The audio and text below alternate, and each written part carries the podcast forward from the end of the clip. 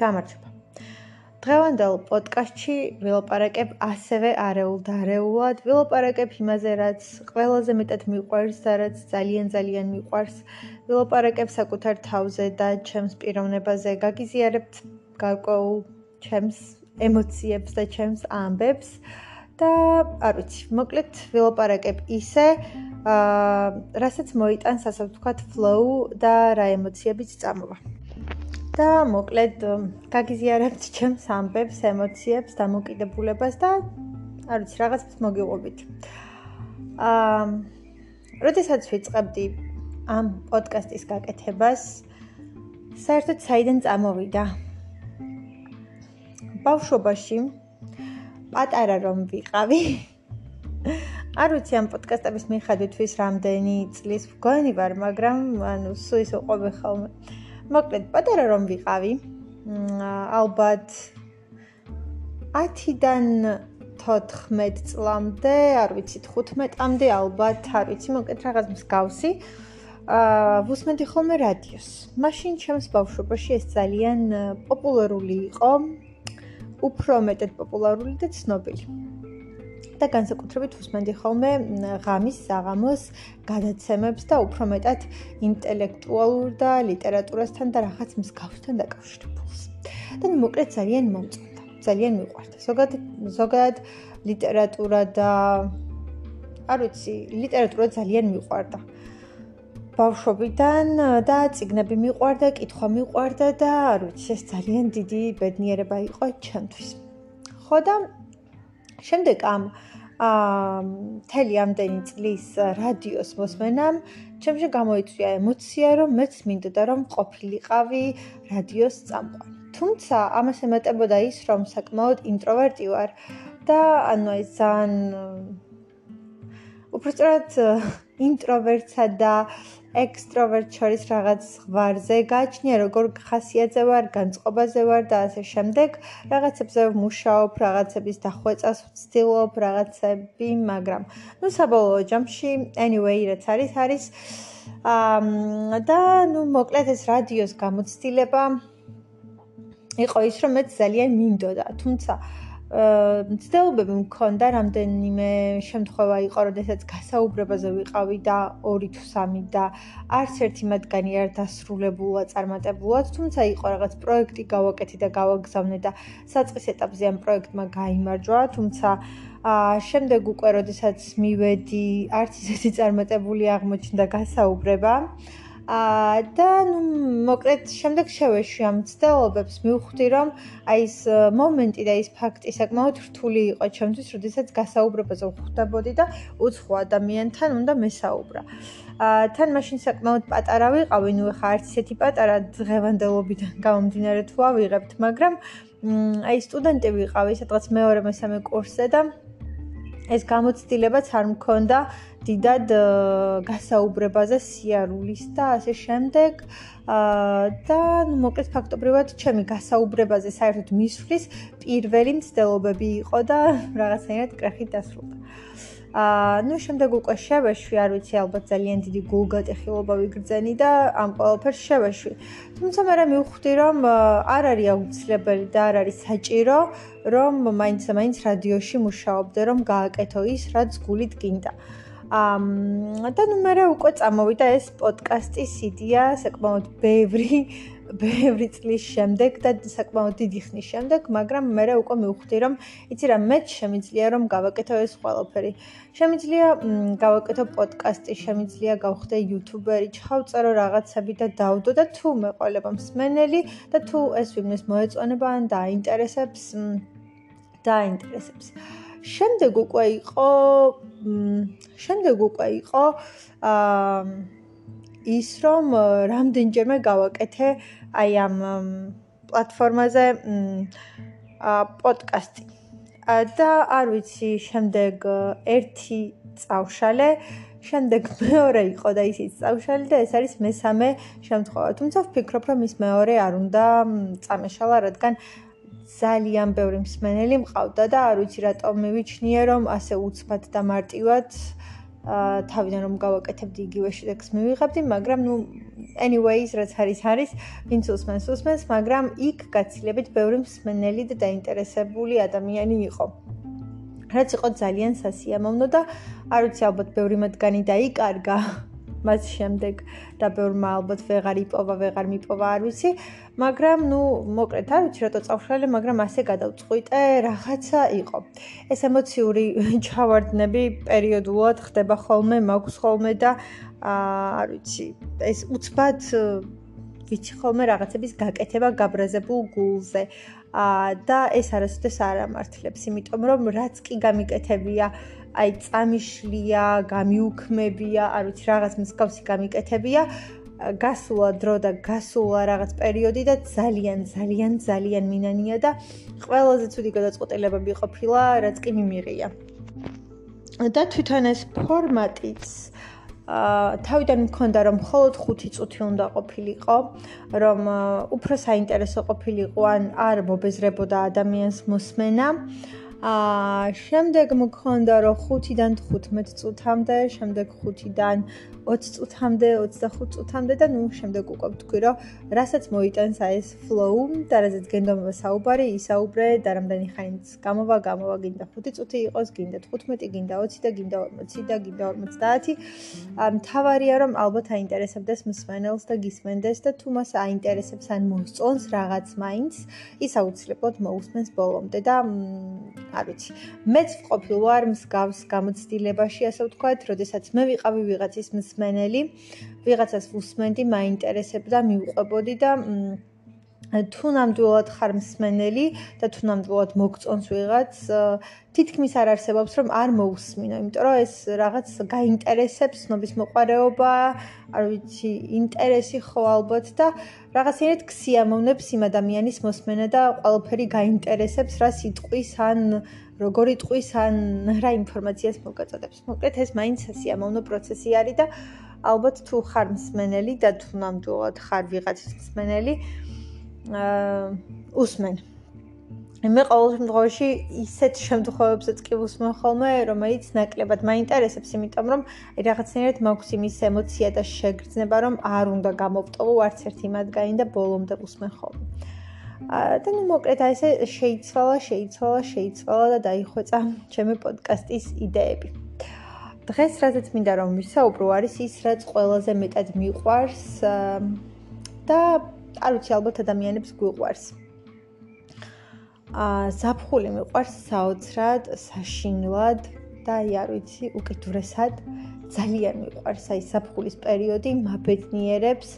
და ზოგადად მზე მიყვარს საოცრად და საშინლად. აი არ მგონია რომ ქვეყანად რამე არსებობდეს, აი ეს იმდენად დიდი ბედნიერება და სიხარულის და ბედნიერების და სიკეთის და ყველაფერი კარგის მომნიჭებელი არის რაღაცნაირად ეს მზე. ზამთარში ჩემოდგომაზეც გადაფხულზე, აი როცა მზიანათებს კარგ ხასიათზე ვარ. აი სულ მცირე და ხვდები რომ სულ მცირე რამ ყოფნის რომ ვიყო კარგად, სულ მცირე რამ ყოფნის რომ ვიყო ბედნიერი და სულ მცირე რაღაც არის საკმარისი იმისათვის რომ უცბად კარგ ხასიათზე და განწყობაზე დავტკე. და არასოდეს არ მინდა ხოლმე რომ გავიდეს საფხულის დღეები, იმდენად მიყვარს და იმდენად მაბედნიერებს, რომ აი არასოდეს არ მინდა რომ საფხული დასრულდეს. ერთ-ერთი საყვარელი დრო და პერიოდია და როდესაც საფხულის ბოლო დღე არის, ყოველთვის ვარ ძალიან სევდიან განწყობაზე, იმიტომ რომ ვიცი რომ მთელი ერთი წელი უნდა ველოდე კიდევ როდის მოვა. აა და ყოველთვის რაღაცნაირად ისე ხდება რომ საფხულის დღეები ძალიან მალე და ძალიან მარტივად გადის. ხო და ეს ცოტა ისეთი მომენტი არის მსევდიანი, რომ უცბად ხვდები რამდენად მალე, არ ვიცი, რამდენად მალე მიდის მირბის დრო, რამდენად მალე გადის ყველაფერი და ალბათ ამ დროს აღიქვამ იმასაც, რამდენად მალე გადის ჩვენი ცხოვრების დღეები, იმიტომ რომ უცბად გაიხედავ ერთი თვე გასულია და სად გავიდა, რაში გავიდა ვერ ხვდები, რაში გამოიყენე ეს დრო, რა მოგცა ყველაფერმა. და ხვდები რომ აი ესე წლებს წლები მიყვება და დღეებს დღეები მიყვება და ძალიან რთულია. ერთ-ერთი საუდიანი მომენტი ალბათ არის იმის გააზრება და იმის შეგრძნება, რომ ერთ დღესაც დაბერდები და დაბერების იდეა ძალიან ძალიან არ მომწონს და ძალიან საუდიანი არის ჩემთვის ის, რომ აი დადგება დღე, როდესაც უკვე მოხუცი იქნები ან ან მოხუციც არა, აი უკვე ისეთ ასაკში, როდესაც ხეული ბერდება და რაღაცნაირად აღარ გაქვს ის ემოცია, ან ემოციები, აი ეს ხალისი, ის განწყობა, ის შემართება, ენერგია და ძალიანაც რომ გინდოდეს, აი ფიზიკურად რაღაცებს, ასე ვთქვათ, ვეღარ ქაჩავ. და ეგ არის ძალიან ძალიან სევდიანი მომენტი ჩემთვის. და ზოგადად აი იმის შეგრძნება, რომ აი რაღაცა ასაკამდე მიხვედი და უკვე არ ვიცი, ჩნდება ნაოჭი, ჩნდება რაღაცა, რაღაცა და აი ატყობ და ხვდები რომ ისეთ ფორმაში აღარ ხარ როგორც ადრე იყავი და შენი სხეული და რაღაცები იცვლება და აი ამასთან შეგუება არის საკმაოდ მძიმე და მტკივნეული. ну ჩემი აზრით. და მოკლედ აი რაც მიყვარს ძალიან არის საფხული. საფხულის დღეები. და ძალიან დიდი სიხარული და ბედნიერება მოაქვს და აი შემიძლია რომ უბრალოდ აი ძალიან კარგად და ბედნიერად და მშვიდად ვიგრძნო თავი, როდესაც არის საფხული. და მიხარი ამ აბედნიერებს და სიამოვნებს. და ყველაზე მძიმე ისე კიდე და რთული არის, როდესაც ნატურები და ოცნებები ცხოვრებაში არ გისრულდება. ანუ აი სირთულეზე გამახსენდა და ყველაზე მძიმე მომენტი არის ალბათ ცხოვრებაში. აი ადამიანს რაც მთელი გულით გინდა, აი ეს შიგნით რაც გაქვს და აი უბრალოდ განაკვიატებაა და გინდა მაგალითად მანქანა გინდა ან არ ვიცი რაღაც ახალი ტელეფონი გინდა და რაღაც ახალი ჩანთა გინდა ან არ ვიცი ახალი რაღაც გინდა. ანუ ეს კი არა, უბრალოდ აი მართლა შენი რაც არის და არა რაღაც ესე გარემო რაღაცებიდან გამოწვეული, რომ აი მოგინდა რაღაც. აი მართლა შენია და მართლა გინდა. აა ყველაზე სოდიანი არის ალბათ ის მომენტი, როდესაც შენ ცხოვრებას ისე გაივლი, რომ რაღაცები რაც მართლა გინდოდა და გულით გინდოდა, ვერ გააკეთე, ვერ მიაღწიე და ვერ შეწელი. აი ეს მგონია ერთ-ერთი ყველაზე სევდიანი მომენტი ცხოვრებაში ადამიანმა, რაც შეიძლება რომ გაიაროს და რასაც შეიძლება რომ შეეჩეხოს და და შეეჯახოს, არ ვიცი. ძალიან რთული მომენტია აი იმის მიღება, იმის გააზრება, აა იმის გადააზრება, რომ აი მთელი ცხოვრება გავიდა ან გაგივიდა. მაგალითად უკვე ხარ 70 წლის ან რა ვიცი, რაღა უნდა შექმნა ხო? ეხა ისეთი რა ვიცი ყველაფერი ხდება ცხოვრებაში მაგრამ ყოველ შემთხვევაში საკმაოდ რთული არის ის მომენტი რომ 70 წლის ასაკში რაიმე შექმნა კიდე გრანდიოზული ხო? ამდენი წელი როდესაც გაგივიდა შენ ცხოვრების. ხო და აა ძალიან ისეთი მომენტი არის რა ძალიან რთული და ძალიან სევდიანი მომენტია და იმის წარმოდგენა, რომ იმის წარმოდგენა, რომ აი გავიდა ყველაფერი და შენ შენი ოცნებები და შენი სურვილები ვერ აიხდინე. და რო ვფიქრდები ხოლმე, რამდენი ადამიანი არის ასეთი ამ ქვეყნად, რაღაცნაირად გული მტკივა. იმიტომ რომ წარმოუდგენელია ყველა ადამიანმა, ვინც კი არსებობს, ყველამ აისრულოს თავისი ოცნება და სურვილი და შეძლოს და გააკეთოს რაც უნდოდა. მაშინ ყველა გადასარევად იცხოვრებდა ამ ქვეყნად და არავინ არ იქნებოდა არც გაჭირვებული, არც ღატაკი, არც რაღაც პრობლემებით, არ ვიცი, მაშინ ყველა ძალიან ბედნიერი იქნებოდა, ყოველს რო შეეძლოს ეს და ახერხებდეს.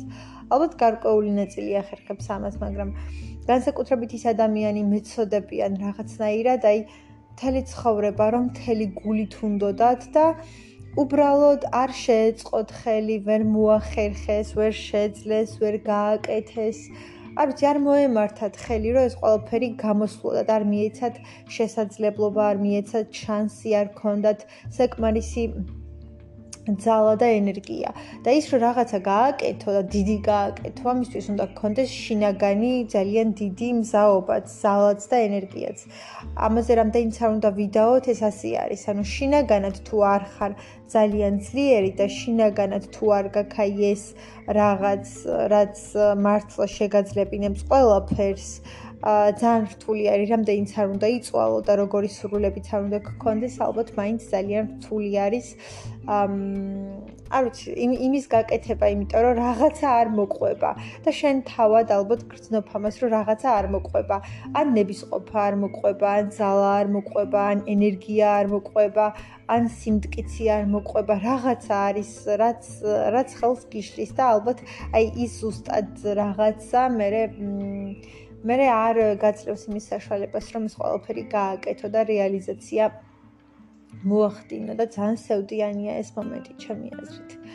აი ყველაზე დიდი გულის ტკივილით მაგას ვუყურებ, როდესაც უკვე ასაკში შედიხარ, ან უკვე ასაკში შეხვედი და რაღაცნაირად ეს პერიოდები და ვიცი პროცესები ყველა ადამიანში მაინც მეტნაკლებობით ერთნაირად მიმდინარეობს და აი, როდესაც უკვე გადახედავ ცხოვრებას, როდესაც უკვე მიდის ცხოვრების შეფასება და ანალიზი, განვლილი წლების და განვლილი დღეების და განვლილი რაღაცების და როდესაც ხვდები, რომ აი, რამდენი რამ გსურდა, ოღონდ ყველა უბრალო პატარა სურვილზე არ მაქვს აქ საუბარი. მართლა რაც გინდოდა და გსურდა სიტყვაზე 2, 3, 4 რაღაცა. მაგალითად ვიღაცა ძალიან გიყვარდა და იმ ადამიანთან ვერაფრით ვერ მოახერხე ყოფნა და ვერ იყავი. ძალიან ბევრი ხელი შემშლელი ფაქტორი და გარემოება გქონდა და ეს ყველაფერი რაღაცნაირად ვერ გადალახე და ნუ საყვარელი ადამიანი დაკარგე და შეიძლება სხვასთან იყავი მე. აა არ ვიცი, ასეთებიც ხო ხდება, ნუ ბევრი არის ასეთი ისტორია ბანალური თითქოს, მაგრამ რამდენად სევდიანი არის ვიღაცისთვის ბანალური, მაგრამ ის ვინც ამას განიცდის, მისთვის რამდენად რამდენად სევდიანია. ვიღაცა მატერიალურად უნდა და რაღაცა და ვერ მიიღო და ვერ მიაღწია, ვერ გააკეთა და ვერ შეძლო.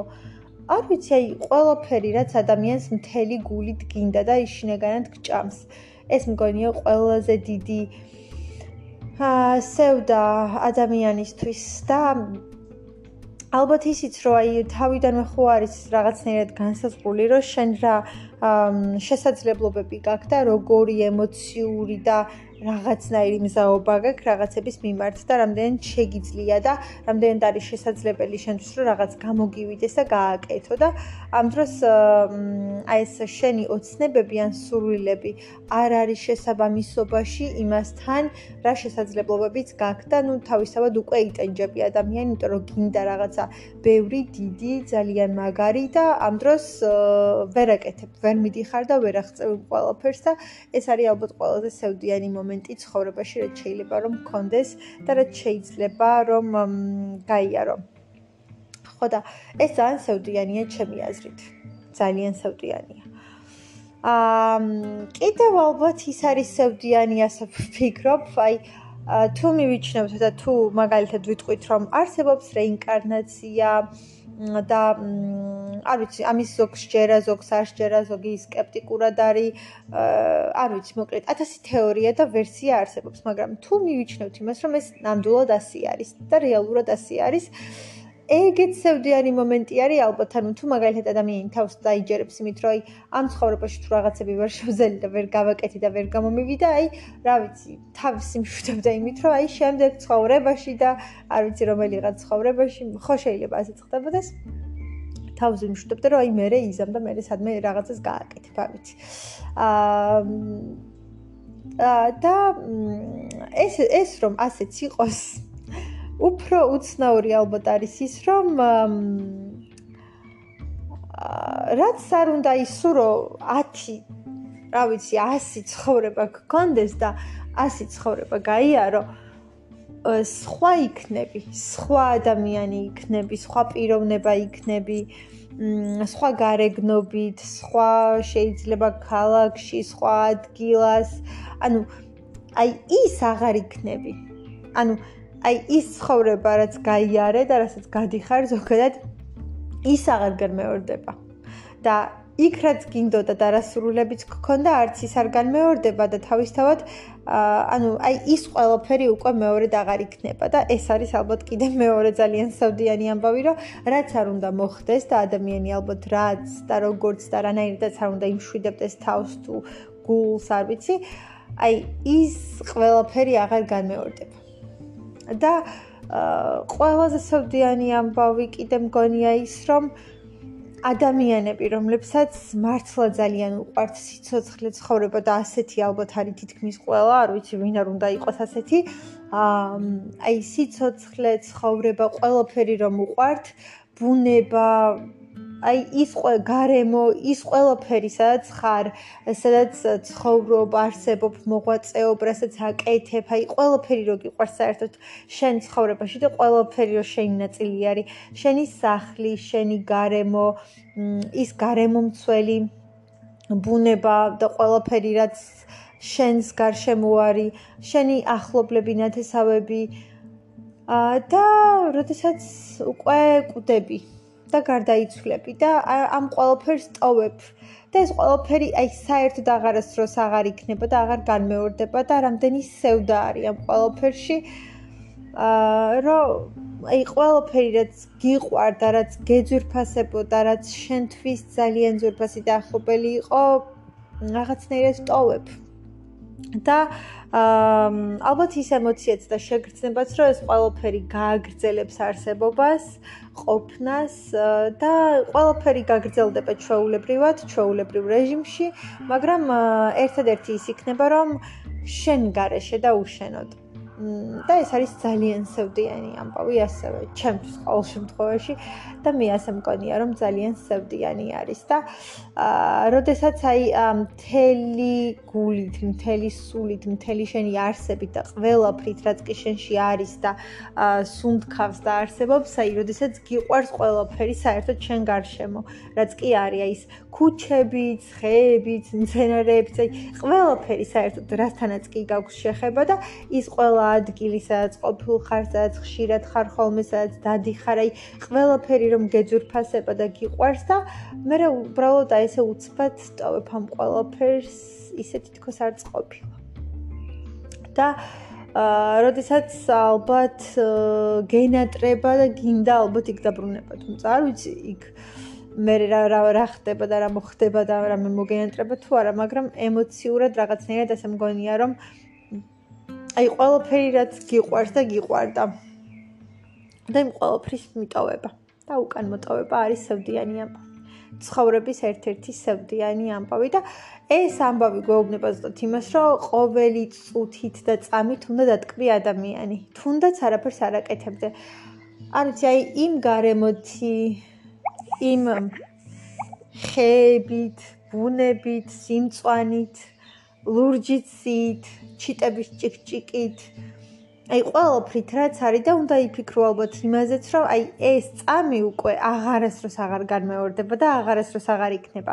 არის ერთადერთი და უნიკალური და თითოეული ეს წამი რომ მართლა არის ერთადერთი უნიკალური და განუმეორებელი. და ისწავლო აი ამ წუთებით და წამებით ტკბობა. და ისწავლო ის რომ იცხოვრო აწმყოში, აწმყოთი და მოცემული წუთით და ყოველფრით დატკბე და იყო ბედნიერი.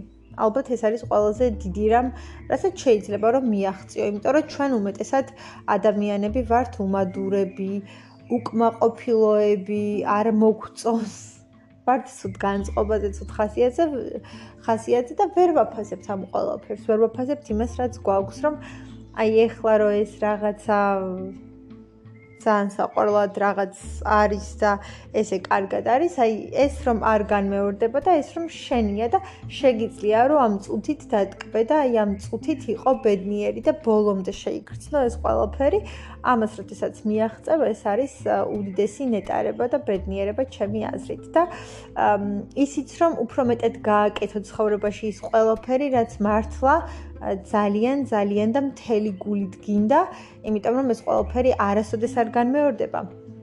არც ჩვენ არ განმეორდებით ალბათ. აა რომც განმეორდეთ ეს ჩვენი მოცემულობა აღარასოდეს აღარ განმეორდება და ის რომ ერთხელ ცხოვრობ და მეტი მეტი შესაძლებლობა არ გექნება, მეტი შანსი არ გექნება და კიდევ საბოლოო ჯამში არავის არ აინტერესებს შენ როგორ ცხოვრობ და რას აკეთებ და როგორ აკეთებ და გავაწლები და არავის არ ემახსოვრება, მაგრამ ის ყველაფერი რაც არ გააკეთე ან ვერ შეწელი, შენ გემახსოვრება.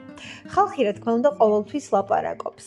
ყოველთვის ლაპარაკებს და მ ასეთი მოკლედ ასეთი ის არის, რომ აა კაცი მიდიოდა და მოკლედ, ну სამი ვერსია არის, მოკლედ ასე მოიქცა და ხალხმა მაინც რაღაც თქვა, ისე მოიქცა და ხალხმა მაინც ხალხმა მაინც რაღაც თქვა, კიდე ასე მოიქცა და იმაზეც რაღაც თქვა. ნუ ნებისმიერ შემთხვევაში ხალხი ყოველთვის იტყვის და ილაპარაკებს მათ მოსაწონს ვერასოდეს ვერაფერს ვერ გააკეთებ, სულ რო უნიკალურად ცხოვრობდნენ, მაინც რაღაცა მიზეს გამონახავენ და გამოჩიჩქნიან და რაღაცა სიტყვიან. ყოველთვის ვიღაცაზე რაღაცას ამბობენ, მაგრამ მეორე არის ის, რომ წლები რო გადის ის ყველაფერი უკვე აღარავის არ ახსოვს და ავიწყდება. საბოლოო საბოლოო ჯამში და საბოლოოდ ყველა უბრუნდება თავის ყოფას, ცხოვრებას და არსებობას და ბოლოს ხვდები, რომ ეს არავისთვის არ იყო არც მნიშვნელოვანი და არც არაფერი უბრალოდ მათ იმ წუთას ჭირდებოდა სალაპარაკო მასალა და სალაპარაკო რაღაცა და ეს ყველაფერი კონტაქტ და ამ დროს შენი ცხოვრება არის ძალიან დამოკიდებული არ ვიცი, ყველაფერზე გააკეთებ თუ არა იმას, რაც მართლა ძალიან გინდა და გულით გინდა. აა და ოღონდ ჩემი აზრით, მანდარი კიდევ ერთი რამ. აი იმას იმასთან დაკავშირებით, რომ გააკეთო ყველაფერი, რაც გინდა. ა ხანდახან მგონია რომ ეს ყველაფერი და ზოგადად ბევრი ბევრი ფრაზა, ბევრი ბევრი რამ ადამიანებს არასწორად გვესმის და არასწორად ვიგებთ, თან არასწორად ვიაზრებთ. მეც და სხვაც და ნუ ყველა ზოგადად. ანუ ის ფაქტი, რომ გააკეთო ყველაფერი, რაც გინდა და როგორც გინდა და ერთხელ ხარ და იცხოვრო ისე, როგორც გინდა, ზოგადად მე მგონია, რომ აი ამ ადამიანის თავისუფალ ნებაში არის ერთი რამ, ერთი. მე უნდა მქონდეს თავისუფლება იმის, რომ გავაკეთო ყველაფერი, რაც მინდა, მოვიქცე ისე, როგორც მინდა, ვიცხოვრო ისე, როგორც მე მინდა და ვიყო ბედნიერი ისე, როგორც მე მინდა, მსურს და წარმომიდგენია და რაც არის ჩემს გონებაში და არ ვიცი, ვისთვის რა არის ბედნიერება? ამაზე ძალიან ბევრჯერ მისაუბრია, რომ ყველა ადამიანისთვის მე მგონია, რომ ბედნიერება, ბედნიერების ცნება ძალიან განსხვავდება. ვიღაცას ერთი რაღაც ანიჭებს ბედნიერებას და ვიღაცას მეორე რაღაცა და ვიღაცას მესამე და ვიღაცას მეასე. ამიტომ ეს რაღაცა მოდელი, რომ შენ ეს გაგხდის ბედნიერს და ამის მიცემა და შეთავაზება ნებისმიერი ადამიანისთვის, მგონია ძალიან დიდი უაზრობა და მგონია ძალიან აა არ ვიცი ყველაზე ერთი რაღაც არამართლებს არ ჭრის. ადამიანები ვართ ძალიან ძალიან განსხვავებულები და განსაკუთრებით ჩვენი გემოვნება, მოთხოვნები და არ ვიცი, სურვილები ძალიან განსხვავდება და სწორედ ეს გქნის. და ზუსტად ეს არის რაც განგვასხოვებს ერთმანეთისგან რომ ყველა სხვადასხვა რაღაც უნდა. ყველა სხვადასხვა მიზანი სურვილი და მოთხოვნილება აქვს და მ ყველასთვის სხვადასხვა რამ არის ბედნიერება ხო და მე მგონია რომ რა თქმა უნდა უნდა იყო ბედნიერი ერთხელ ცხოვრობ და ყველა ადამიანი მგონია რომ იმსახურებს ბედნიერებას. იმსახურებს ძალიან ძალიან დიდ ბედნიერებას და აა მე მგონია რომ უბრალოდ ერთი პატარა განსხვავება. ზოგს გონია რომ აი მე ბედნიერი უნდა ვიყო და მე კარგად უნდა ვიყო და აი ამ ჩემი კარგად ყოფნის გამო ყველაფერს ვაკეთებ მაგრამ მე მგონია რომ აი ეს მე რომ მინდა რომ ბედნიერი ვიყო ისე უნდა ვიქცეო და ისე უნდა ვმოქმედებდე რომ სხვების სურვილს არ ვეწინააღმდეგებოდე. ანუ სხვას არ უნდა ვაზიანებდე და ვაზარალებდე იმ ყოველფრის გაკეთებით და მიღწევით რაც მე მინდა და მსურს და რაც მე გამხდის ბედნიერს და გახარებულს. თუ მე ჩემი ამ მიზნით და ამ ყოველფრით მეორე ადამიანი გავამწარე გავაუბედურე და მეორე ადამიანს დავუშავე რამე და მეორე ადამიანს ვავნე. მე არ მგონია და არ ვფიქრობ და ვერ ვფიქრობ, რომ ამით ადამიანი იქნება ბედნიერი, კმაყოფილი და არ ვიცი, რომ გაიხარებს. შეიძლება გარკვეული პერიოდი ძალიან კარგადაც იცხოვრო და ძალიან კარგადაც იყო, მაგრამ აი საბოლოო ჯამში მგონია, რომ არ არსებობს ის მომენტი, რომ ამით შენ ბოლომდე დატკბე და ბოლომდე ისიამოვნო. სადღაც მაინც წამოგეწევა. მე მგონია, რომ აი ეს ბუმერანგის პრინციპი და ეს კარმული რაღაც ძალიან მოქმედებს, ანუ რაც არ უნდა დაარქვას ადამიანმა, ზოგი ისე უწოდებს ამას, ზოგი ასე უწოდებს, რაც გინდა დაარქვი. ახლა სახელები, სახელდებაში არ არის აქ იმდენად პრობლემა. უბრალოდ მგონია რომ ყველაფერი გიბრუნდება უკან, რასაც გააკეთებ, რასაც ჩადებ, როგორც მოიქცევი, საბოლოო ჯამში ყველაფერი გიბრუნდება და ყველაფერი გიტრიალდება უკან და აი ესე ცუდი არაფერი არ შეგრჩება. და ამიტომ მგონია რომ ამიტომ მგონია რომ აი მეორე ადამიანს ცუდად არ უნდა მოექცე. ამიტომ მგონია რომ მეორე ადამიანს ცუდად არ უნდა მოექცე და რაიმე არ უნდა გაუკეთო, არ უნდა ავნო და ბროტი არ უნდა მოინდომო მეორე ადამიანისთვის და ის რომ მე ასე მსურს და ჩემი კეთილინება ან ჩემი სურვილი არის ასეთი კი, ყველაფერი უნდა ქნა და გააკეთო, რომ მიაღწიო და იყო ბედნიერი. პირველ რიგში ყველა ადამიანის მთავარი მიზანი და დანიშნულება არის საკუთარი ბედნიერება და თუ სხვა ადამიანისთვისაც ვაკეთებთ რაიმეს, ამას ვაკეთებთ მხოლოდ და მხოლოდ იმიტომ, რომ ეს ჩვენ ბედნიერს ხვდის, ანუ ის ფაქტი, რომ მე ვიღაც გავახარე, გავაბედნიერე და ვიღაცაზე ვზრუნავ ან რაღაცას ვაკეთებ, ასევე ეს ეს ფაქტი მე თვითონ მხდის ბედნიერს და მე თვითონ מחარებს და კმაყოფილი ვარ ამით და ბედნიერი ვარ და მიხარია. საბოლოო ჯამში ყველა ადამიანის სურვილი, მიზანი და მისწრაფება დადის და მიდის იქამდე, რომ თავად იყოს ბედნიერი. ყველაფერს აკეთებს იმისთვის და იმისათვის, რომ ეს ყველაფერი მას აბედნიერებს ეს არის მისთვის ყველაფერი მნიშვნელოვანი და ძალიან ძალიან ან მაღალ დონეზე დგას. ადამიანი რომელიც რუნავს თავის ოჯახზე და ყველაფერს აკეთებს ოჯახისთვის და ოჯახის გამო და შეიძლება წელებზე ფეხს იდგამს თუ როგორც ამბობენ ანუ მისთვის ოჯახი არის ყველაფერი, მისთვის მისი ოჯახის კეთილდღეობა, კარგად ყოფნა, ბედნიერება და მისი ოჯახის წევრების აა ბედნიერება და არ ვიცი, კარგად ყოფნა, ჯანმრთელობა და ასე შემდეგ დგას უპირველეს ადგილას და თუ ისინი არ იქნებიან კარგად და კარგ პირობებში და კარგ მდგომარეობაში, თავადაც ვერ იქნება ბედნიერი. აქედან გამომდინარე, აქაც ადამიანი აკეთებს ამ ყველაფერს იმისათვის, რომ ეს ყველაფერი ხდის შესაბამისად მას ბედნიერს და ეს მისთვის არის ბედნიერება.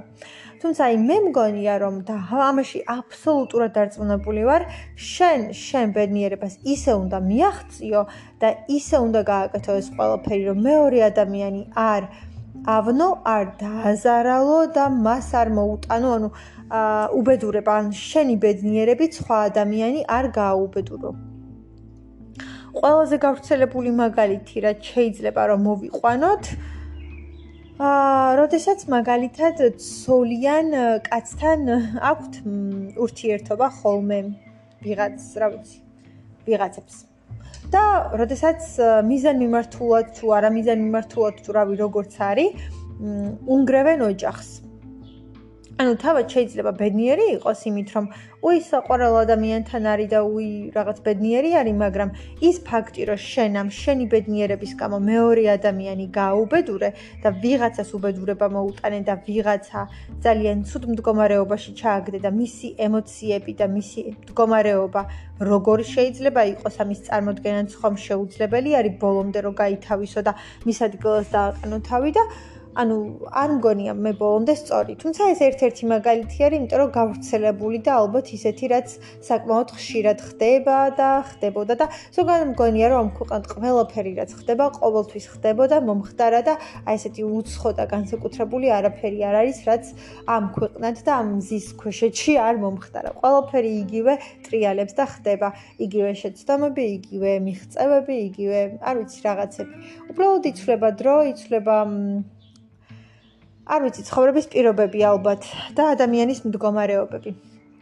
დანარჩენი მგონია, რომ იგივე რჩება. და ყველაზე სწორი მგონია ეგ, რომ ან მაგალითად შენ სრულიად განსხვავებულად ფიქრობ და აზროვნებ ვიდრე მაგალითად შენი ოჯახი და შენი ოჯახის წევრები და რაღაც. მაგრამ აი რა ვიცი ამ შენი რაღაცა ქცევით ან რაღაცით არ უნდა ატკინო გული და არ უნდა დააზარალო შენი ოჯახის წევრები და მათ არ ვიცი მათ რაიმე ტკივილი და უბედურება და რაღაცა არ უნდა მოუტანო და კი შენ შეიძლება რაღაცის გაკეთება გინდოდეს, მაგრამ ვიღაცის ხარჯზე არ უნდა გააკეთო, ვიღაცის უბედურების და ვიღაცის ტკივილის და ვიღაცას სევდი, ვიღაცის სევდის და ვიღაცის, არ ვიცი, ძალიან ძიმე ემოციური მდგომარეობის ფონზე არ უნდა მიაღწიო ამ ყველაფერს, თორემ. ისე თუ მხოლოდ შენს დატვირთვაზე და თუ მხოლოდ შენს რაღაცაზე მოდის ეს ყველაფერი, რა თქმა უნდა, ყველაფერი მისაღებია შენი სურვილია, შენი გადაწყვეტილებაა, შენი არჩევანია, მაგრამ ის რომ შენ შენი ქმედებებით მეორე ადამიანს აუბედურებდე და მეორე ადამიანის განადგურებას თუ არ ვიცი რაღაცას იწევდე, ამ შემთხვევაში არ მგონია რომ ყველა, ასე ვთქვათ, აა საშუალება ამართლებდეს იმას, რომ შენ ამას მიაღწია. ვერ იქნები მართალი საკუთარ თავთან და საკუთარ სინდისთან ალბათ ბოლომდე რომ დაფიქრდე და კარგად რომ ჩაიხედო გულში ვერანაირად ვერ იქნები მართალი. და ერთი ფილმი მაქვს ნანახი წლების წინ და ამ ფილმიდან რაც ყველაზე მკვეთრად და მკაფიოდ დამახსოვრდა არის ასეთი ფრაზა რომელსაც ერთ-ერთი პერსონაჟი ასე ვთქვათ ერთ-ერთი გმირი ამბობს იქ თუ და გაინტერესებთ ფილმი და თუ ვინმეს მოუნდება რომ ნახოს აა შეგიძლიათ რომ მომწეროთ აა ლინკი არის მითითებული და ვარჩი თუ არ გაინტერესებთ ესეც ძალიან ბუნებრივია. მოკლედ პერსონაჟი ამბობს იმას რომ ადამიანი ცხოვრებაში უშვებს მხოლოდ ერთ შეცდომას მხოლოდ და მხოლოდ ერთს და აი ამ შეცდომის გამო ისჭება, ანუ ერთი ძალიან ისეთი მკვეთრი მთავარი და დიდი შეცდომა, რომელსაც ცხოვრებაში უშვებს და აი ამ შეცდომის შემდეგ კარგავს ყველაფერს და ამ შეცდომის შემდეგ ყველაფერი უკუღმა უკუღმა მიდის მის ცხოვრებაში და ანუ აი კარგავს თითქოს ყველაფერს და აი ეს მთავარი შეცდომა, ცხოვრების მთავარი შეცდომა არ უნდა დაუშვა ადამიანმა, თორემ თუ ეს შეცდომა დაუშვი, მე უკვე ყველაფერი დაკარგულია და ეს ძალიან מחსენებს და მაგონებს ჰუბრისის თემას, რომ აი ესე თქვათ ადამიანი, როდესაც განუ გაამპარტავნების თემას, ადამიანი, როდესაც აღწევს ბევრ რაღაცას და მიიწევს წინ და მიიწევს წინ და მიიწევს წინ და საფეხურეობრივად ადის მაღლა და მაღლა, რაც უფრო მეტი მიღწევა აქვს ზოგადად ადამიანს ახასიათებს, არ ვიცი, მის ხასიათში, მის თვისებებში ეს ყველაფერი ზის და არის. ამ პარტაუნდება და უფრო მეტად ქედმაღალი ხდება და მე ეს ზუსტად აი ის რომ შეიცვალა ასე ვთქვათ და სხვანაირი გახდა და გადასხვაფერდა და საკუთარ საკუთარი თავი რაღაცა ძალიან დიდად წარმოიდგინა შემდეგ ეს იწოვს მის დაცემას რომ ჭკუა ისწავლოს რომ თითქოს საწყის წერტილში გაბრუნებს და უკან გაბრუნებს რომ ანუ არავიზე მეტი არ ახარ, არაფრით მეტი არ ახარ და ნებისმიერ წუთს შეიძლება დაბრუნდე იქ და იმ საწყის წერტილში საიდანაც დაიწყე და დაკარგო ყველაფერი ისე როგორც მოიპოვე. ამიტომ ყველაზე დიდი გამოწვევა ალბათ მე ეს მგონია ცხოვრებაში, რომ ადამიანმა ბოლომდე შეინარჩუნოს საკუთარი თავი, საკუთარი სახე, პიროვნება და ეს ყველაფერი არ დაკარგოს და აი ბოლომდე დარჩეს ასე ვთქვათ, სუფთა ადამიანად და აი სუფთა ნუ შეცდომას ყველა უშვებს, სოდვას ყველა ჩადის. დღის მანძილზე რამდენ ცუც ვაკეთებთ ან ვამბობთ კაცმა არიცის ან არასწორს მაგრამ ანუ აი ზოგადად ის რომ აი იყო კეთილი იყო კარგი იყო პატიოსანი იყო სამართლიანი და ასე შემდეგ ეს ყველაფერი რაღაცნაირად არ დაკარგო და გქონდეს მუდმივად წინ წინ წასვლის და სწრაფვის მოთხოვნა შენში იყოს ეს შინაგანად. რომ იყო კეთილი. ზოგადად ეს ყველაზე მთავარი მგონია, რომ ადამიანი უბრალოდ იყო კეთილი და ყოველთვის გინდოდეს კარგი, არ იყო ბოროტი, არ იყო შურიანი, არ იყო რაღაც ღვარძლიანი, შურით და ბოღმით არ გქონდეს გულისავსე, იმიტომ რომ მგონია, რომ ბევრი დაავადება და ბევრი რაღაცა აქედანაც მოდის ადამიანში, იმიტომ რომ იმდენად დიდი აგრესიული და ნეგატიური ემოციები გროვდება მაგ დროს ადამიანში, რომ რანაირად შეიძლება ამ ყოველფერმა რამე კარგი გამოიწვიოს და უბრალოდ იყო კეთილი და ეს სიკეთე და სინათლე შენში შეინარჩუნო ბოლომდე და არ დაკარგო არასდროს ყოველთვის გინდოდეს რომ დაეხმარო მეორე ადამიანს ხელი გაუმართო ხელი გაუწოდო არ ვიცი ყველაფერი გაუკეთო რითიც მას წინსვლაში და წინ წაწევაში ან აი რა ვიცი რაღაცა კარგის მიღწევაში დაეხმარები და რაღაცნაირად ძალიან ასე ვთქვათ იდგე იმ ადამიანის გვერდით და ზოგადად გინდოდეს რომ აკეთო სიკეთე გინდოდეს რომ აკეთო კარგი რაღაცები გინდოდეს რომ კარგი რაღაცები გაუკეთო მეორე ადამიანს და ვიღაცას არავნო არ დაუშავო და გული გქონდეს სიკეთით და სიყვარულით სავსე და სინათლით. აი ეს სამი რა მგონია ყველაზე მნიშვნელოვანი და უპირობოდ მნიშვნელოვანი, იმიტომ რომ ძალიან მარტივია ადამიანი უცბად აი ესე გაყოყოჩდეს და გაამპარტავნდეს და ზედმეტად ქედმაღალი გახდეს და ვიღაცებს ზემოდან უყუროს და გადმოხედოს თითქოს აი რაღაც ანუ რასაც არ უნდა მივახციოთ ადამიანებმა, ნებისმიერმა, საბოლოოდ მაინც ადამიანები ვართ და ამას ვერ გავექცევით. საბოლოოდ სურო, არ ვიცი, რაღაც საოცრებაზე საოცრებას მიაღწიო ამ ქვეყნად, ბოლოს მაინც მოკვდები, ანუ ამას ვერ გავექცევით. და არაფერი არ მიგაქვს არსად იმ ქვეყნად. გარდა შენი სიკეთისა, გარდა შენი ადამიანობისა და იმ სახელისა, რასაც ამ ქვეყნა დატოვებ. და ის არის მნიშვნელოვანი, რა სიტყვიან შენზე, როგორ გაგიხსენებენ, როგორ ადამიანად და როგორ პიროვნებად გაგიხსენებენ. და არაფერს არ ვაგროვებთ და ვტოვებთ ამ ქვეყნად მოგონებების მეც და მოგონებების გარდა. ყველაფერი, რაც მიგვაქვს ალბათ არის მოგონებები და ის ისტორიები და ამბები, რაც შევქმენით ჩვენ ცხოვრებაში, რაც გვაცოცხლებდა, გვასულდგმულებდა, რაც გვაძლევდა ძალას, ენერგიას, мотиваციას, ადამიანების სიყვარული, ის ადამიანები, ვისაც გიждებოდით და ძალიან ძალიან გიყვარდა და ვინც ყველაზე და ყველაფერზე მნიშვნელოვანი იყო ჩვენ ცხოვრებაში. აა და არ ვიცი, ეს მოგონებები, და ისტორიები, რომლებსაც ვქმნით და ვაგროვებთ.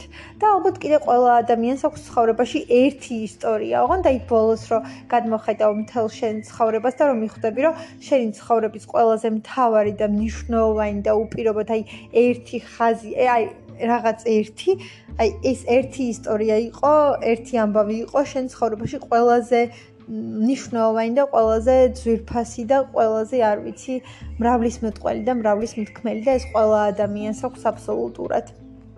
და ხო არ ვიცი მე არ მგონია რომ ადამიანი რამე ამაზე მეც საგროვებდეს და ქმნიდეს ამ ცხოვრებაში და ამ ქვეყნად მოგონებები რომლებსაც ქმნი და ყველაფერი რასაც ჩვენ ცხოვრებაში გადიხარ და ამაზე მეც ვერაფერს ვერ ვაკეთებთ და რა შეგვიძლია იმაზე მეტი ვქნათ და გავაკეთოთ, რომ ვიყოთ კარგები, კარგები ჩვენთვის, კარგები სხვისთვის, ვიყოთ კეთილები, ვიყოთ სამართლიანები, ვიყოთ სიყვარულით სავსე, გული გქონდეს სიკეთით, სინათლით და სიყვარულით სავსე და ყველაფერს გავცემდეთ სხვებისთვის და ვუნაწილებდეთ და უზიარებდეთ და ყველანაირად ყველაფერში კარგში ვეხმარებოდეთ მეორე ადამიანს.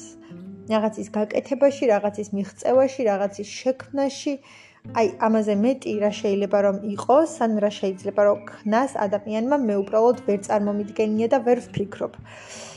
და უბრალოდ რა ნებისმიერი სახით აკეთო სიკეთე.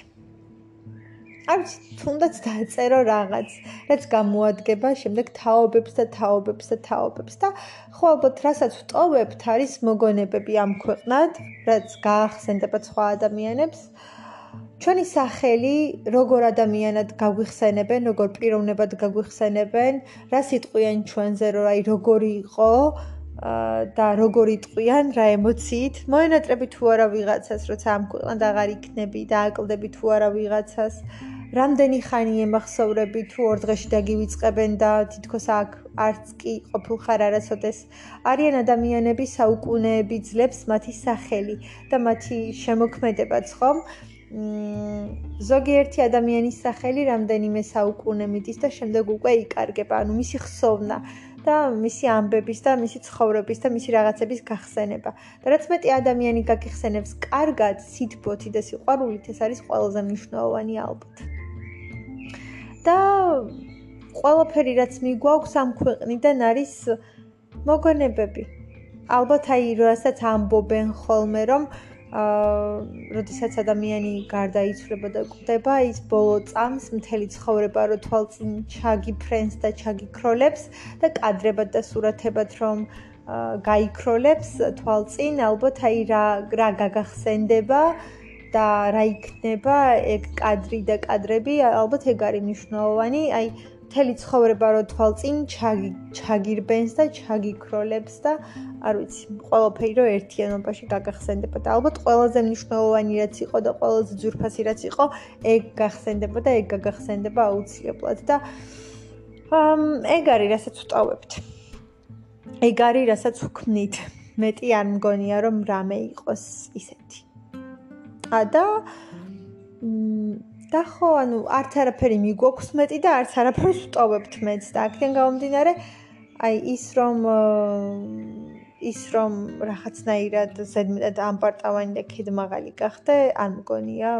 არავის მეტი არ ხარ ყოველ შემთხვევაში და ალბათ ის უნდა გვახსოვდეს, რომ ყოველთვის შეიძლება დაბრუნდეს საწყის წერტილთან და საწყის წერტილში, საიდანაც დაიწყე, საიდანაც დაიწყო შენი მოგზაურობა და მიღწევები. და თუ შეინარჩუნებ შენ სახეს და თუ ამას არასოდეს არ დაკარგავ, რასაც არ უნდა მიაღწიო და ყოველთვის რაღაცნაირად სხვებისთვის და სხვების დამხმარე იქნები, ალბათ ეგ იქნება ყველაზე დიდი მიღწევა ცხოვრებაში. ნუ იმ ადამიანებისთვის ალბათ ვინც აღწევს ძალიან ბევრს და დიდს, ნუ მატერიალურ მატერიალური კუთხით თუნდაც. ამ და კიდევ კიდევ ერთი რამ რაც მგონია და რაც მინდა რომ ვთქვა, ადამიანს ცხოვრებაში ყველაზე დიდ ძალას და мотивაციას და არ ვიცი, სურვილს აძლევს მეორე ადამიანი, აი ეს ვიღაცა, ვინც ყველაზე მეტად გიყვარს, ვინც ყველაზე მეტად გეძურფასება და ვინც ყველაზე მეტად მნიშვნელოვანია შენთვის და ძურფასია შენთვის. აა, იმიტომ რომ მგონია რომ საყვარელი ადამიანისთვის და საყვარელი ადამიანის გამო ყველაფერს გააკეთებ ადამიანი, ყველაფერს იზამ. აა აი მისთვის და მის გამო რომ შექმნა, მიაღწიო, გააკეთო აა არ ვიცი, აი თებსაც გადადგა ალბათ თუ მართლა გინდა რაღაც და თუ მართლა გიყვარს ის მეორე ადამიანი. და თუ თუ მის თვითონ მის გამოაკეთებ ან არ ვიცი, აი თუ ან ერთობლივ თქვენი ერთობლივი რაღაცისთვის აკეთებ, არ ვიცი, აი მგონია, რომ ყველაზე დიდ ძალას და мотиваციას ადამიანს ყოველთვის აძლევს საყვარელი ადამიანი ან ადამიანები და მთელი ძალას და ემოციას და იმ ყველაფერს რომ შექმნას, გააკეთოს, მიაღწიოს, მიიღოს, არ ვიცი, რაღაც კარგი შექმნას და ხო ეს საყვარელი ადამიანის არსებობა და ზოგადად სიყვარული. ამ სიყვარული რომელიც არის გულში და რომელიც შენშია. სიყვარული თუ არ ხარ სავსე და სიყვარული თუ არ გაქვს ზოგადად და სიყვარულის ძალა ნიჭი და უნარი, მაშინ ალბათ არაფერი არ გამოგივა ადამიანს მე ეგრე მგონი.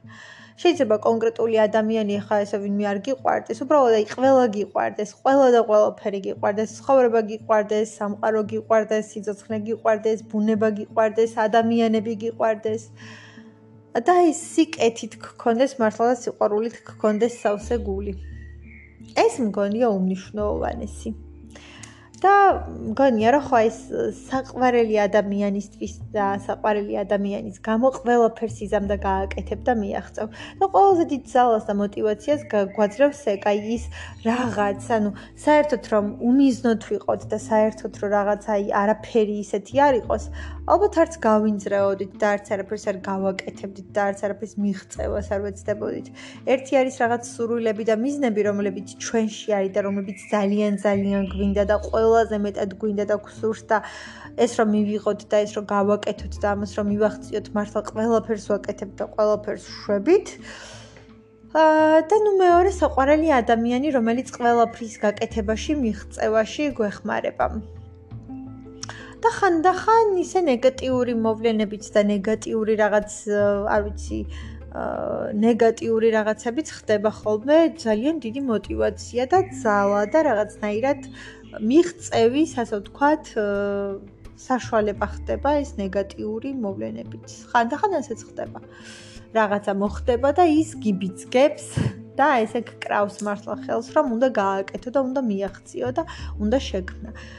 მაგრამ ნუ მაინც ეს მგონია, რომ ყველაზე დიდ ძალას და мотивაციას საყვარელი ადამიანი გაძლევს მისი ყოლა შენთან, შენ გვერდით და აი ეს ძალა და ემოცია, რო გიორმა გდება საერთოდ ყველაფერი, როცა ის გვერდით არის, გვერდით ყავს და აი ამ ძალას და мотиваციას გაძლევს და აი რაღაც ძალიან დიდ სურვილს და ყველაფერს საერთოდ რომ ქნა გააკეთო, მიაღწიო შექმნა და მიიღო და არ ვიცი ეს რაღაც ყველაფერი შეძლო. შეძლო თქვენთვის, მისთვის, არ ვიცი, საერთო რაღაცებისთვის და აა მოკლედ ყველაფერი გააკეთო და ყველაფერს მიაღწიო და ყველაფერი მიიღო. არ ვიცი.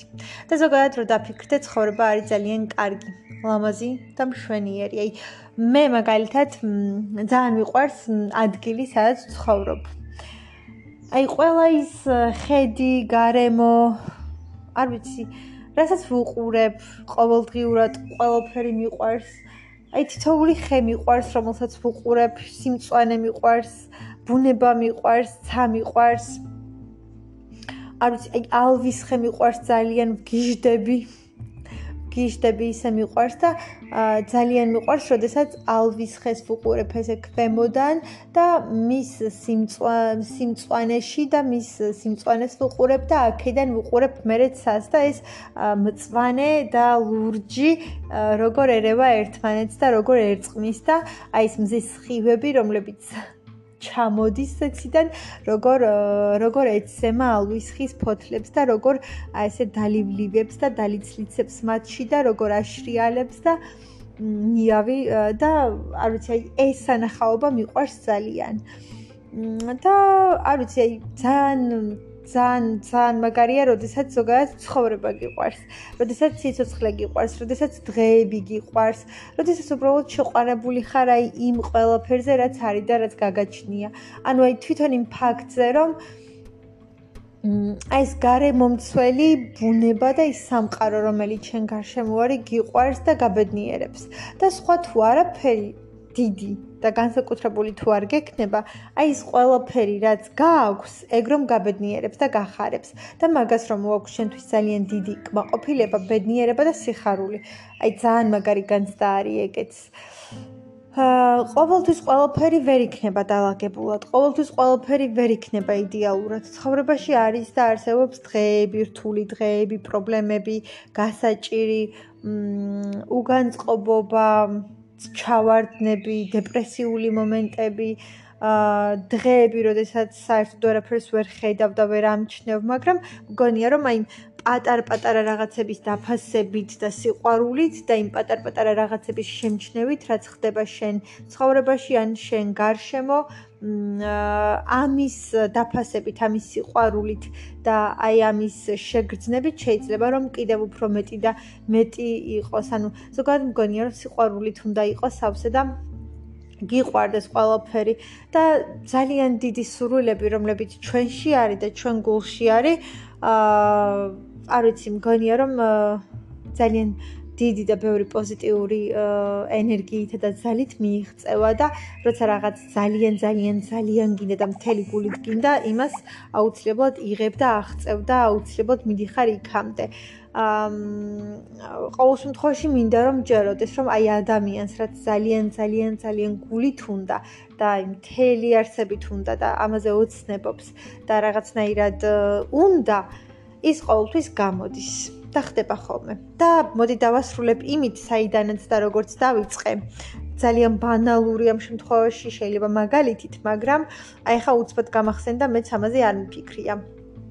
მ და ხანდახან ცხოვრებაში ისეც ხდება, რომ ზუსტად იმ სახით და იმ ფორმით ვერ ვახწევთ ყველაფერს, როგორც ჩვენ გვგონია ან წარმოგვიდგენია. და თუ აი ავიღებ იმ მაგალით ზუსტად, რომ მე მინდოდა რადიოში მუშაობა და ამაზე ვოცნებობდი და ამაზე ვფიქრობდი, შეიძლება ზუსტადაც რომ რადიო არ იყო ჩემი და აი იქ იქ არ უნდა ყოფილიყავი სიტყვაზე და იქ არ უნდა ყოფილიყო ეს ყველაფერი. და აი უნდა ყოფილიყო თუნდაც პოდკასტი. თითქმის იგივეა ეს ჩემთვის რაც იქ მინდოდა რომ მექნა ან გამეკეთებინე ნუ მიახლოებით. იქ უფრო ლიტერატურული რაღაც გაკეთებას ვფიქრობდი მაგრამ არც ეს არ არის შორს საუბრობ იმ ყველა თემაზე რომელიც ჩემთვის საინტერესოა მაინტერესებს მიყვარს და რასაც ვფიქრობ და გიზიარებ ამ ყველაფერს. და ალბათ უნდა ყოფილიყო ამ ფორმით და ამ ფორმატით. შეიძლება სხვა სახით რეალისტა და სხვა სახით გამოვიდა და სხვა სახით და ფორმით მოხდა ეს ყველაფერი, მაგრამ აი სურვილი რაც ძალიან ძალიან ძალიან მინდოდა და რაც მქონდა და რაც გარკვეული წლები მე მახსოვს როგორ მშხამავდა და მწამლავდა და ლიტერატურიდან არის ერთ-ერთი ასეთი ფრაზა, ეხლა ზუსტად ვერ გამახსენდება, მაგრამ პერიფრას გავაკეთებ, რომ აუსრულებელი სურვილები და ოცნებები ჩვენ ვეგვწამლავს, გშხამავს და მოკლედ ჩვენ უგვანადგურებს ის აუსრულებელი სურვილები, რომლებიც ძალიან გვინდოდა გქონდა და ვერ ავიხდინეთ, ავისრულეთ, მე რეიწყებენ ჩვენს მოწამვლასა და მოშხამვას და განადგურებას და რა ვიცი, ყველაფერ ცუდს.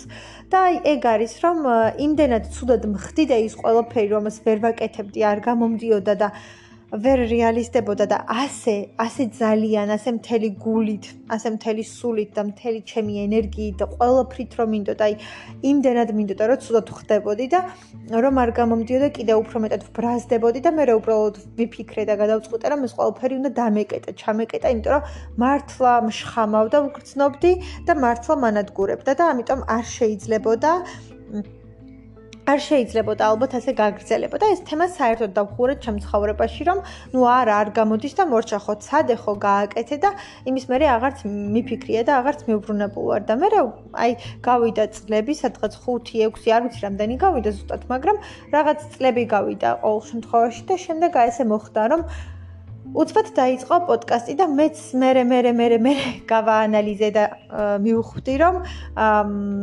აი ზუსტად იმ ყოველფრის რეალიზება, რაც მინდოდა და რაც ასე მსურდა, მაინც მოხდა. არა იმ ფორმით ზუსტად როგორი ფორმითაც მე ვფიქრობდი, ან როგორი ფორმითაც მე მსურდა, მაგრამ შეიძლება უკეთესითაც. ან ყოველ შემთხვევაში იმ ფორმით, რა ფორმითაც უნდა ყოფილიყო და ჩემთვის რო უფრო კარგი ან საჭირო იქნებოდა და გონია რაც არ გამოდის ის არც არის ჩვენთვის და ჩვენი ცხოვრებისთვის საჭირო. უბრალოდ ჩვენ ვფიქრობთ რომ ასია, მაგრამ შორ პერსპექტივაში ან სო აი ესეთ შორ სურათში და შორ რაღაცაში ამას ვერ ვხედავთ და ვერ ვუყურებთ. და მგონია რომ საჭირო დროს, საჭირო მომენტში და საჭირო, არ ვიცი, წუთს ყველაფერი მაინც თუ გამოსასვლელია და თუ შენთვის და შენი ცხოვრებისთვის საჭიროა, აუცილებლად გამოდის და გამოვა და ნუ ისე გამოვიდა რომ არც ამ რადიოზე არ მილაპარაკია ტყუილად, იმიტომ რომ ფაქტობრივად ამან შეკრა დღევანდელი, ასე ვთქვათ, ეს თემა, რომ აი ხო, არ ვიცი, ესე მგონია რომ ხანდახან ის სურვილები და ოცნებები, რომლებიც გვაქვს, შეიძლება ზუსტად იმ ფორმით და ისი არ მოხდეს და განხორციელდეს, მაგრამ რაც ძალიან ძალიან ძალიან გვინდა რაც მთელი გულით და მთელი სულით და მთელი ენერგიით, ძალით და ყველაფრით გვინდა, თუ ძალიან გვინდა ეს აუცილებლად ვიღებთ, ვახწევთ და რაღაცა გზას ვნახულობთ და რაღაცა გზა იყო თუნდაც ჩემთვის ეს პოდკასტი და მაინც რეალისტა, ჩემი აზრით ასე არის ყოველ შემთხვევაში, მაინც რეალისტა, მაინც გამოვიდა და მაინც არის ისე რომ მე ის ყველაფერი ვქენი, გავაკეთე და შევქმენი, რაც მინდოდა. და აი ეს დანაკლისი და უკმაყოფილება, ასე ვთქვათ, არ დარჩა. და მგონია რომ ახლა ბევრად უფრო კარგია, უკეთესია, უკეთესი ფორმით არის და უფრო მაგარი არის, ვიდრე შეიძლება და ეს მაშინ ყოფილიყო, იმიტომ რომ ასეთი მკვეთრი შეიძლება არ ყოფილიყო ჩემი წარმოდგენებიც და რაღაცებიც, ამიტომ გონია რომ მართლა რაც ძალიან ძალიან უნდა ადამიანს და მთელი გულით გინდა შეიძლება დღეს არ გამოვიდეს ხვალ არ გამოვიდეს შეიძლება წლები დაჭirdეს შეიძლება 5 წელი დაჭirdეს შეიძლება 10 შეიძლება მეტი მაგრამ აი რაღაცნაირად მგონია რომ მთელი გულით მთელი სულით და მთელი არსებით რაც არის შენში და რაც გინდა და არ გასვენებს ის საბოლოოდ მაინც გამოვა, გამოგივა და რაღაცნაირად, რაღაც ფორმით მაინც გამოვა და გამოგივა და კიდევ მჯერა იმის და მწამს იმის, რომ ყველაფერი ხდება საჭირო დროს და საჭირო მომენტში და იმ საჭირო დროს, საჭირო ადგილას, საჭირო მომენტში და საჭირო მოცემულობაში უნდა აღმოჩნდეთ ჩვენს და მგონია რომ აი წუთს იმ მომენტში და იმ მოცემულობაში უკვე ყველაფერი გამოვა. ეს გამართლება და იღბალი და რაღაცნაირად ეს ყველაფერიც მნიშვნელოვანი არის ცხოვრებაში და არ ვიცი გისურვებთ ყველაფერს კარგს და იმას რომ თქვენი ოცნებები და სურვილები რაც მართლა ძალიან გინდათ აქ სრულებოდეთ და აგხდენოდეთ და ძალიან ძალიან კარგი რაღაცების მომტანი ყოფილიყოს თქვენთვის და თქვენ ცხოვრებაში და ზოგადად ის სურვილები, რაც ადამიანს ყველაზე მეტად, ყველაზე ყველაზე მეტად ძალიან უნდა მინდა რომ ყველა საუხდეს და აუსრულდეს, იმიტომ რომ ვიცი ამ ყველაფერს რა ძალა და ენერგია აქვს. ბედნიერად და სრულების ასრულებას გისურვებთ.